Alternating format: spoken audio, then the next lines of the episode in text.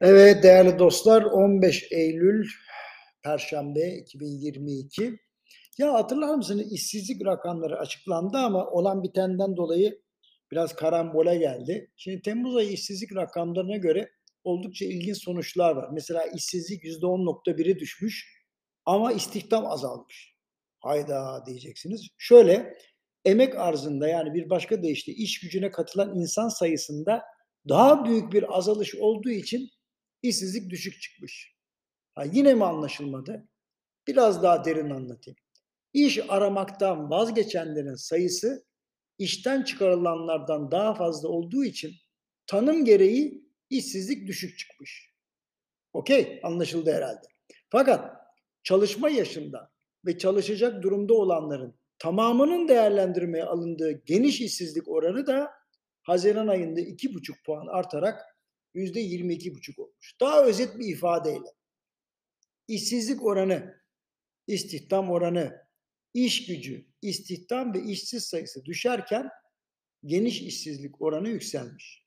Şimdi bu tabloya bakarak birkaç sonuç çıkarmak mümkün ancak söz konusu sonuçları sadece matematikle değil biraz da gözlemle anlatacağım. Bir kere şu.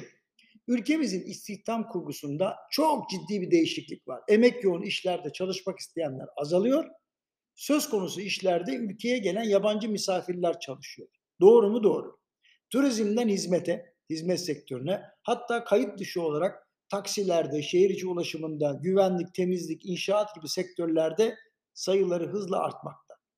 İstihdamdaki kayıt dışılığı da gözlemlemede zorluk çekerken bir de üzerine bu yeni göçmen akını eklendi. Şimdi parakende sektöründe de yabancıların yüksek kiralara rağmen boy gösterdiği esnafın mecburen kapattığı yerleri devraldığını gözlüyoruz. Yani bir tarafta işini kapattığı için işsiz kalanlar var. Diğer tarafta yabancıların aile olarak açtıkları ve çalıştıkları mekanlar var.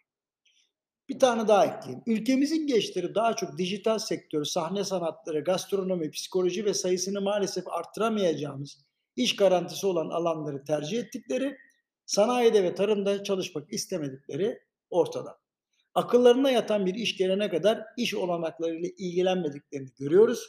Dolayısıyla ihtiyari işsizlik oluşuyor. Bir şey daha ekleyeyim.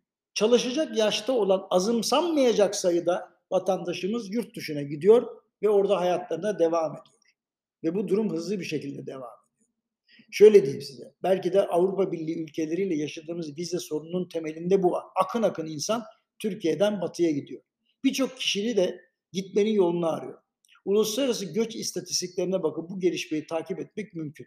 Türkiye'den ayrılanların büyük bir kısmı yani yüzde 40'tan fazlası 40 ile 44 yaş arasında. Hemen arkasından 20 ile 34 yaş arasındaki iki grup geliyor. Bu grupların toplamı yüzde 80'i buluyor. Yani 40-44, 20-34 toplam yüzde 80'den fazla. Ancak 34 ile 39 yaş grubu sadece yüzde 10. Demek ki bu grup bir süre bekliyor, deniyor, sonra selameti yurt dışına gitmekte buluyor. Aksi takdirde 40-44 yaş grubu bu kadar yüksek çıkmazdı. Ha, bu arada göç edenlerin bir kısmı da ülkemizde bulunan yabancılar. Bunu da unutmayalım. Göç edenlerin yarısından fazlası da İstanbul, Ankara ve İzmir'de ikamet eden kişiler. Enteresan.